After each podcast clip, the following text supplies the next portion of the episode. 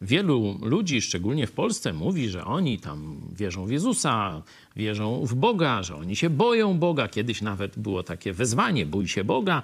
To było coś popularnego. E, Teraz, nawet w debacie publicznej, to odwołanie e, do Boga i jego oceny, jego sądu się e, pojawia. Chwała Bogu za to, że to jest wielka zmiana w naszym takim skomunizowanym narodzie i zateizowanym. Ale ja chciałem zadać to podstawowe pytanie. Ludzi mówi, że boi się Boga, czy wierzy w Boga.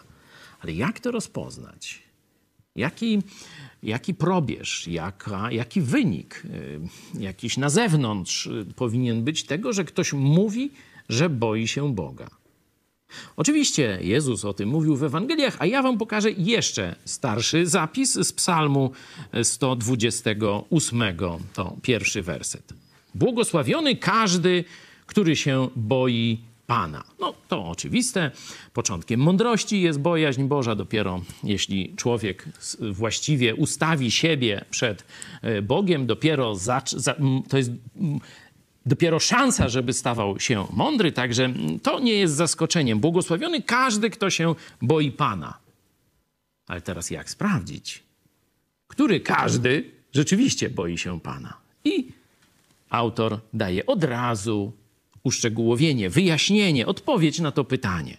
Błogosławiony każdy, który się boi Pana, który kroczy Jego drogami.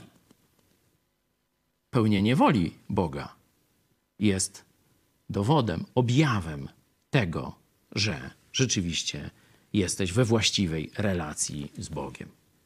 Jeśli Bóg mówi, żeby być zbawionym, musisz najpierw uznać swoją grzeszność i zawołać do Jezusa, a ty mówisz, nie, wystarczy mi chodzenie do kościoła albo dziewięć tam piątków, to nie boisz się Boga.